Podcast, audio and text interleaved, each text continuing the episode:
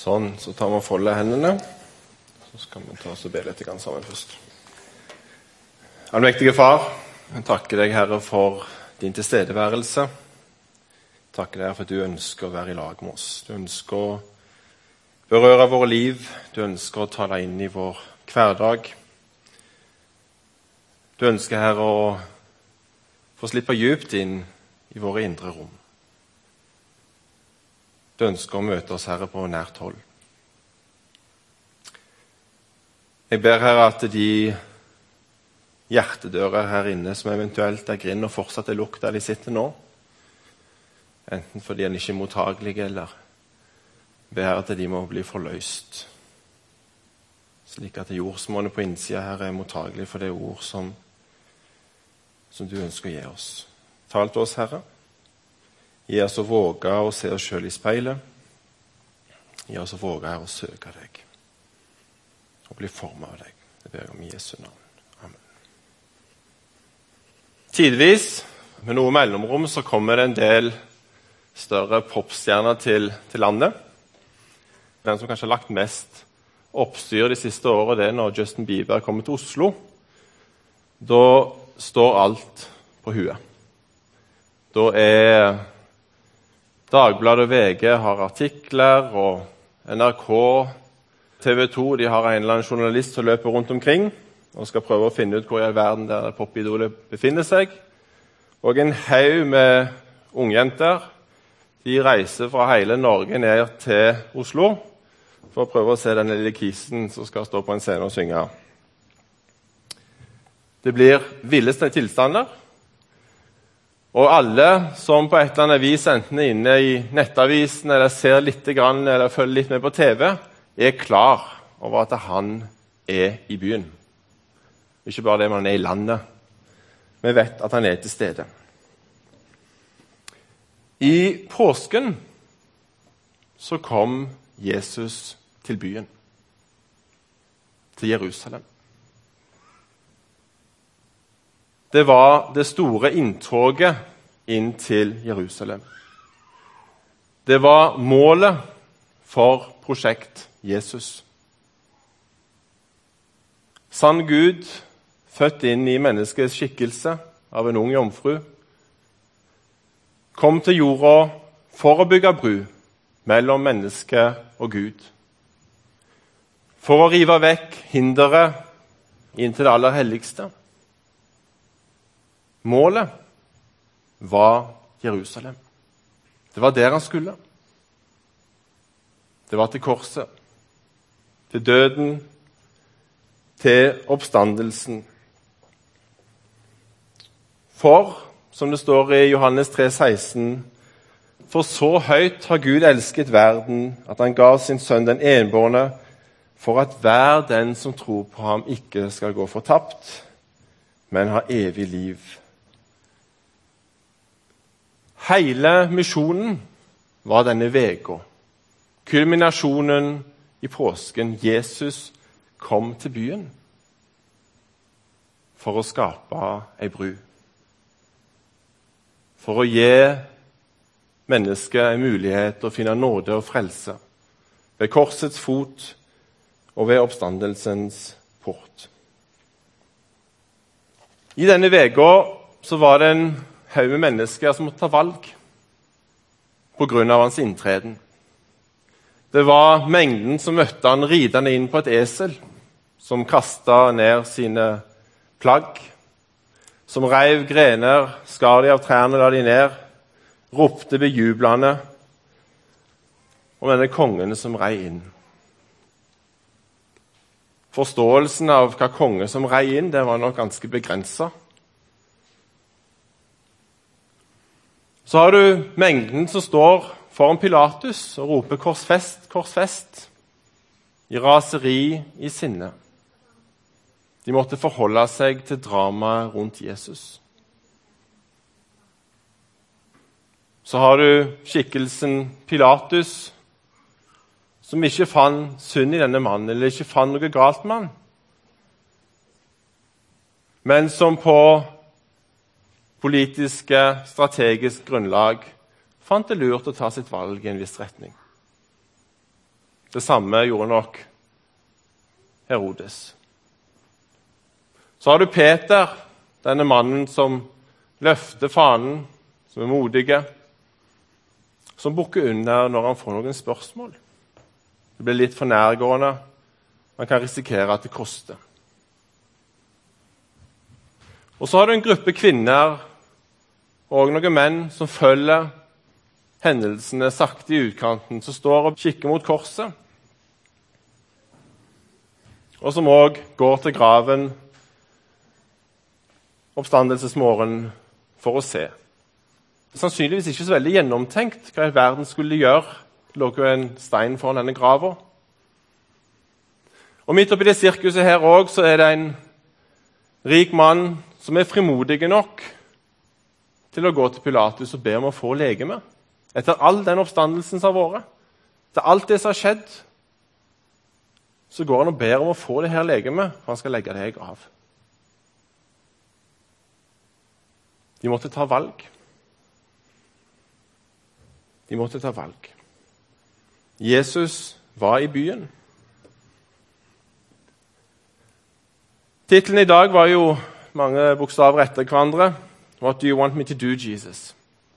Det er egentlig en gjenganger når han er ute og preiker. Den kommer i ulik Hvordan er verden stille? Spørsmål, men det kommer igjen og igjen på ulike måter. Og det er et tema som med jevne mellomrom kommer opp når han er ute og preiker. Hva vil du at jeg skal gjøre, Jesus, i dag? Mitt første spørsmål er Vi vet når Justin Bieber kommer til Oslo. Hvorfor vet ikke Sandnes by at Jesus er i byen? Hvorfor vet ikke vår arbeidsplass at Jesus er i byen? Hvorfor vet de ikke at han er der, og at han virker? Før inntoget i Jerusalem så har Jesus brukt flere år på å vandre rundt omkring. Han har forsynt, han har lært dem opp, han har undervist, og han har gitt en haug med eksempler til etterfølgelse. Historier. Møte enkeltindivider, avkler de. Han møter den samaritanske kvinnen ved brønnen i Johannes kapittel 4. Hun blir avkledd i møte med Mesteren. Og det blir hver og en som tør å slippe Jesus nært nok innpå. I bergprekenen i Matteus 6 taler Jesus om ganske klare holdninger til en god del ting. Vanskelig å forholde seg til. Elsk deres fiender. La et ja være et ja, og la et nei være et nei. Han snakker om ekteskapet. Han snakker om fasader. Mennesker som går i tempelet, og som kommer på at det er ting som er uoppgjort. Ting som er skjult. Han snakker om ære av mennesker og ære av Gud. Mange eksempler, mange tråder som ligger der i klartekst for hver og en av de som ønsker å søke dem. I Johannes 13 står det noen flotte ord. I verset 34 og 35. Dere skal elske hverandre. Som jeg har elsket dere, skal dere elske hverandre. Ved dette skal alle forstå at dere er mine disipler. At dere har kjærlighet til hverandre. Ved dette skal alle forstå at dere er mine disipler, at dere har kjærlighet til hverandre. Samme bok, kapittel 8, så møter han, eller blir han egentlig konfrontert med kvinnen som er grepet i hor.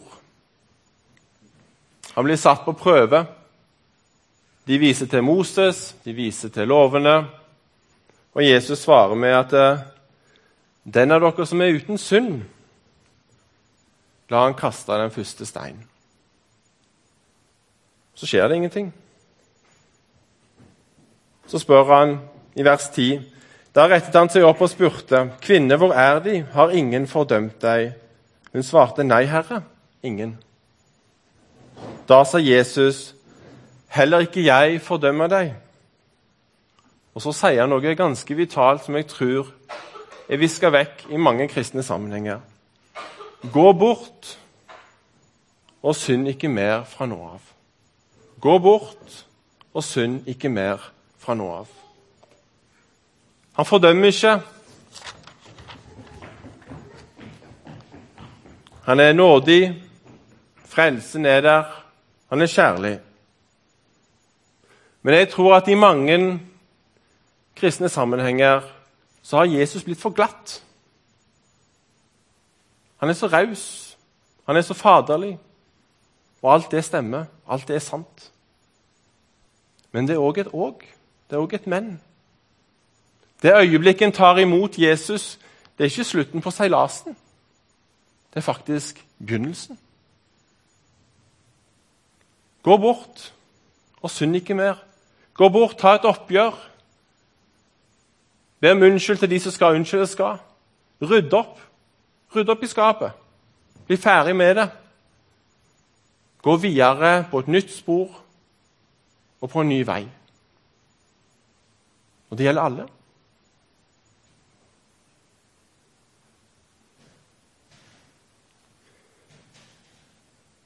Denne Jesus som møter oss ved korsets fot og oppstandelsens port i all sin nåde, er den samme Jesus som går inn på tempelet og snur kjøpmennenes bord i raseri. Det er den samme Jesus som går til frontalangrep på fariseerne.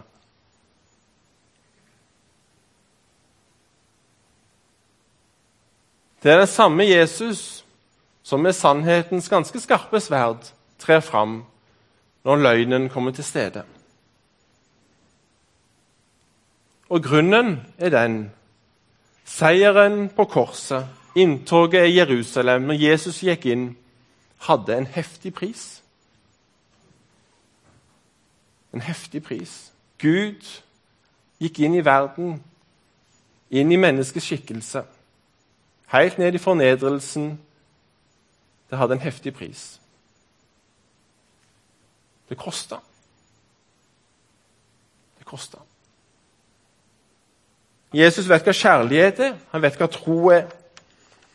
Han vandra gjennom byens gater, han møtte individene, han møtte menneskene. Og han reiv ned fasader. Han gikk i rette med løgnen og lete etter sannheten. Hvorfor vet ikke Sandnes by at Jesus er i byen? Det er jo mange av oss. Det er jo mange av oss. Det er jo mange menigheter. Hvorfor vet ikke omverdenen det? Klart og tydelig at han er her. Jeg tror at uh, grunnen er enkel. Vi er mange som tror. Vi er mange som vedkjenner oss navnet Jesus. Men jeg tror det er ufattelig mange som er fanga på teaterets scene. Skjult bak fasadene, skjult bak det prektige, skjult bak alt det som skal være så fint og så rett.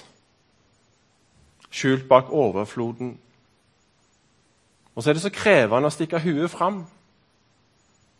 Det er kjekt å ha liksom en pinn i jakka eller har bånd rundt som sier det før, bånd rundt hånda så sier liksom what would Jesus do? Det passer liksom inn å ha det når du er inne i en eller annen sammenheng, og det er kjekt å være kristen der, så er det flott. Så når du går med arbeidsplassen, eller, så tar du den, legger den fint ned i lomma, og pinnene forsvinner, og så sier en veldig lite. Men det er samme individet. Så skjuler en referansen til for hvem en faktisk er. Hvordan i all verden skal de vite at Jesus er i byen? Dansen på overflodens og fasadenes teater. Det er litt som noen jeg snakket med her forleden dag. De holder på å pusse opp hjemme. og Det er gått 13 år siden de kjøpte det. og så når de, Først hadde de satt seg ned og bestemt at nå er det på tide å pusse opp litt. Og etter hvert når de hadde begynt å flytte på et bilde, så flytta de litt på en kommode. så Plutselig så kom de i hu at uh, bak det bildet var det jo en rift. Det var faktisk grunnen til at det bildet ble flytta bort rett foran der. for Da slapp de liksom ta hele veggen der og da. Så dekte det bildet til, og det bildet var jo veldig flott. Og Kommoden den hadde de flytta litt bort sånn, og så så veldig fint og flott ut. En blomst på toppen. Og så hadde de ordna til. Når de nå begynte å ta det vekk, så så de at arrene lå jo der. De var jo der. Det var jo derfor de hadde flytta det, lagt det til og ordna det til sånn. Jeg tror vi gjør det i våre liv. Det ser så prektig og flott ut. Men faktum er at det er faktisk ikke det prektige og det flotte som Jesus søker. Han vandrer i gatene. Han ønsker å slippe til i de indre rom. Han ønsker å ta tak i den flekken, i den revna, og gjøre noe med den. Hva vil Jesus vi skal gjøre i dag? Jeg tror at han vil at vi skal sette oss ned med han inderlig. Bruke tid med han. At vi skal tørre egen svakhet, egen brist, egen tilkortkommenhet i hans nærvær. At vi skal bekjenne og ta et oppgjør med synd i eget liv. At vi skal tørre å stille spørsmål når en medvandrer er på dårlig kurs. Ja, det kan koste. Ja, du kan miste en relasjon. Men i realiteten du mister jo deg sjøl oppi det her òg. Hvis du faktisk holder om disse verdiene.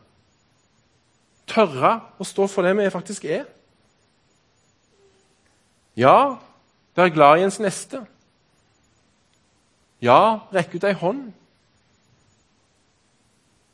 Men allikevel være klar på hvor er grensedragningen her. Hva er rett? Hva er ikke rett? Hva er jeg enig i, og hva er jeg ikke enig i?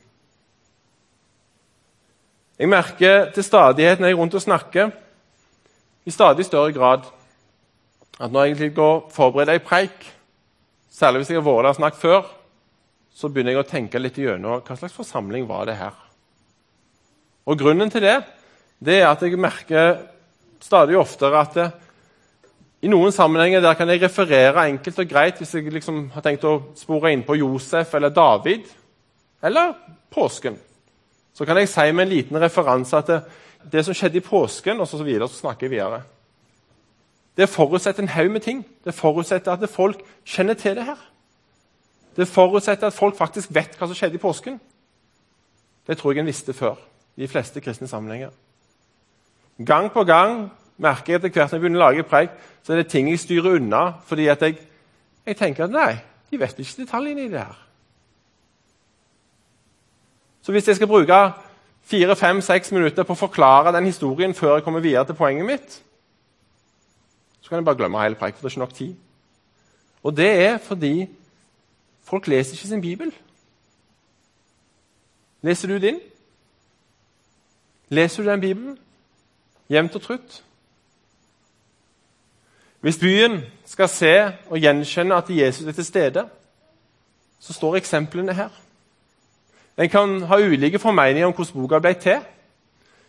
Noen kan mene at hva bidige ord gjelder. Står det et åg der, så må du passe på det åget. Noen vil kanskje tenke at det ble mer til på litt annet vis. Men faktum er at eksempelet for Jesus, de årene han gikk her, de står grunnstøtt, og de er der. En må lese hans bibel for å kunne ha den jevne referanse til hva er faktisk eksempelet.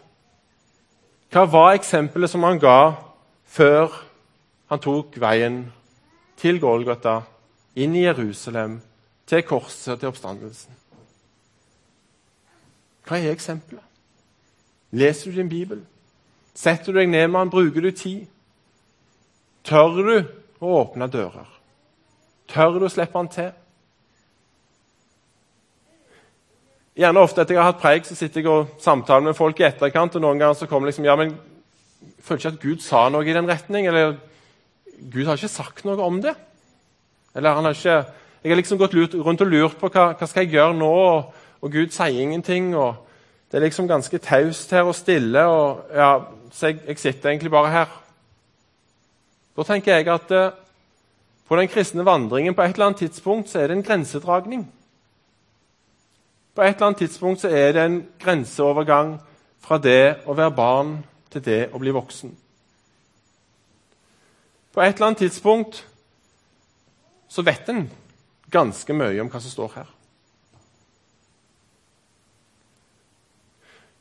Hvis du vet at Mari der i gata alltid rusler hjem alene med posene sine Når andre steller til til jul, det kommer masse folk, så er hun Mari hjemme alene.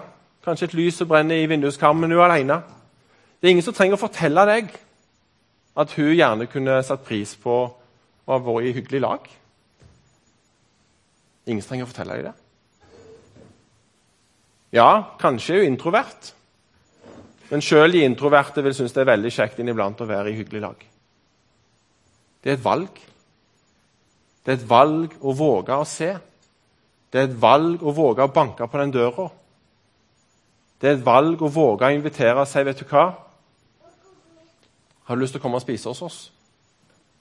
Har du lyst til å feire jul hos oss? Eller hvis du er blant de privilegerte som har flust med penger. Det er folk rundt en som sliter. Det er ingen som trenger å fortelle deg det hvis du faktisk vet at noen har et alvorlig behov for noe. Ingen trenger å fortelle deg det. Jesus sier 'elsk de neste'. Elsk dine fiender. Det er ingen som trenger å fortelle deg det. Inniblant vil han gi en klar beskjed om et eller annet. Men det ligger faktisk ganske mye der som en gjennom tid over modning så vet en det ligger der. Det her er eksempelet som Gud har gitt oss. Det her er det Jesus ønsker vi skal prøve å praktisere i vår egen hverdag og egne liv. Da handler det faktisk om å ta det loddet. Akseptere det loddet som sitt eget og prøve etter beste evne å faktisk å gjøre noe med det. Det er et valg. Og det er det enkeltes ansvar. Det her rører ikke ved nåden. Det rører ikke ved frelsen. Men det øyeblikket en kommer til tro, det øyeblikket en begynner å vandre med han, det er begynnelsen på seilasen. Johannes døperen sier 'Jeg skal avta'. Hvem er det skal vokse? Hvem skal tre fram? Jo, det er han. Herren. I stadig større grad i en sjøl. Men det er ikke noe som skjer av seg sjøl. Du må faktisk gjøre noen grep. Vi må faktisk ville det. Vi må faktisk bruke tid. Ellers så skjer det ingenting. Sannsynligheten er størst for at det faktisk går i helt annen retning. Etter hvert så blir øynene tilslørte, blikket blir tilslørt, en ser dårlig. Og Så begynner en å ta valg som en ikke ville ha gjort hadde en vært klar og vært i den settingen en hadde satt, og hadde næringen og kontakten var på rett plass. Det er et valg. Det handler ikke om å være mot ting og tang, men det handler om å være for Jesus i ens egen hverdag. Det handler om å sette tid til han, det handler om å våge å bruke øynene til å se rundt og tenke hva vil faktisk Jesus jeg skal gjøre? Er det noen her jeg kan rekke ut til? Og når en har levd noen år, så vet en etter hvert òg hva evner, hva muligheter en har, hva en sjøl besitter. Hva kan jeg bruke av det som jeg har? Hva kan jeg bruke av det for å rekke ut til noen av de rundt meg? Det er et valg. Og jeg tror Jesus trenger hender og føtter. Og de må rekke ut for at byen skal vite at han er til stede i dag. Noen må tørre det. Noen må tørre i ulike settinger når det blir snakket ting som er usant, eller når noen begynner å baksnakke noen som ikke er til stede, så må noen tørre å si vet du hva, det der kan vi snakke om siden. Vi tar det opp når personen sånn og sånn er til stede. Hvis du absolutt skal snakke om det. Det er ikke rett, det her. Koster? Selvfølgelig koster det. Sannheten har alltid kosta. Sannheten kommer alltid til å koste. De som tør å stikke huet fram, det er de som får motbør. Vil en være glatt, så smyger en seg gjennom. Men i det samme øyeblikk så mister en ganske mye av relasjonen til Jesus, og en mister i ganske stor grad sannsynlighet seg sjøl òg. Fordi at en tør ikke å vedkjenne seg hvem en faktisk er, og hva en faktisk tror på. Hvem er jeg? Leser du din bibel? Tør du å rekke ut ei hånd? Tør du å elske din neste? Godhet, det treffer overalt. Overalt treffer det. Sjøl de som er sterkt uenige i deg, vil gjenkjenne en god handling. Er du der? Hvordan er det med deg og ditt liv i hverdagen? Er du aktiv? Brenner du? Er du som kvinnene som følger Jesus, som er med inn i byen, som følger opp til korset? Er du den rike mannen som tør å stikke huet helt fram og legge det på blokka og gå til Pilatus sjøl og si vet du hva? Det der legemet burde ligget i en grav. Kanskje bare la ligge her. Jeg tror det koster ganske mye. Det har i hvert fall jeg tenkt. Når jeg har sett at noen folk, eller visst at folk har blitt piska, hengt opp på et kors, og så skal du våge å stikke huet fram midt inn i det her og spørre om du kan få det legemet med deg. Det tror jeg koster ganske mye. De færreste ville gjort det. Hvor er du og Jesus? Og slipper han til i rommene dine eller er livet ditt prega av disse bildene som henger og dekker til de ulike arrene? Flere enn i tapeten. Skjuler de. Det gjør noe med relasjonen til Jesus. Det gjør noe med hvor langt han får slippe til inn i ditt liv. Og det gjør, kanskje i enda større grad, det gjør noe med hvordan omverdenen oppfatter Jesu tilstedeværelse i ditt liv. En merker når noen brenner. En merker når en er i en setting, når noen som brenner for Jesus, er der. En merker det. En er ikke alltid klar å sette fingeren på hva det er, men en at her er det noe. Vedkommende bærer på et eller annet, en eller annen X-faktor. Og Jeg tror i mange settinger den X-faktoren det er Jesus. Men på nært hold. Han har fått slippe til. De har tørt å gå ned til pottemakeren, de har tørt å la potta bli grust et par ganger. Så har de fiksa det. Kanskje har de fått en ny hanke som ikke ser helt ut som de gjorde før. Men det funker. Og det funker for Jesus. Er du klar til å gjøre det tydelig at Jesus er i byen? At han faktisk er her?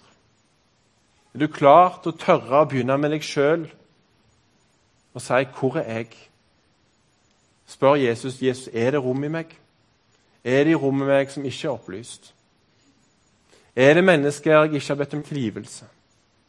Er det mennesker jeg ikke klarer å se helt i øynene? Hvis ikke klarer å se folk her rett i øynene, så er det et eller annet.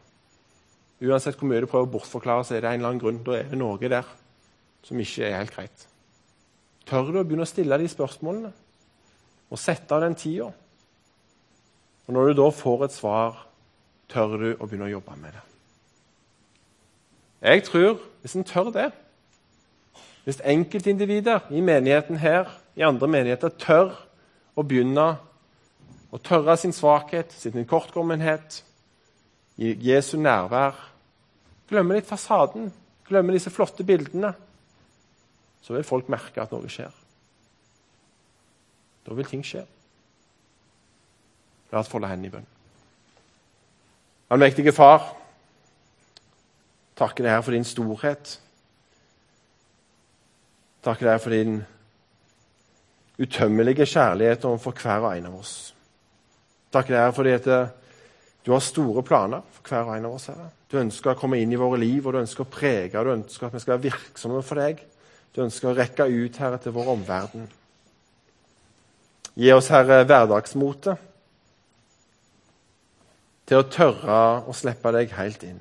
Til å tørre å våge å møte oss sjøl i speilet til å tørre, Herre, å stikke huet fram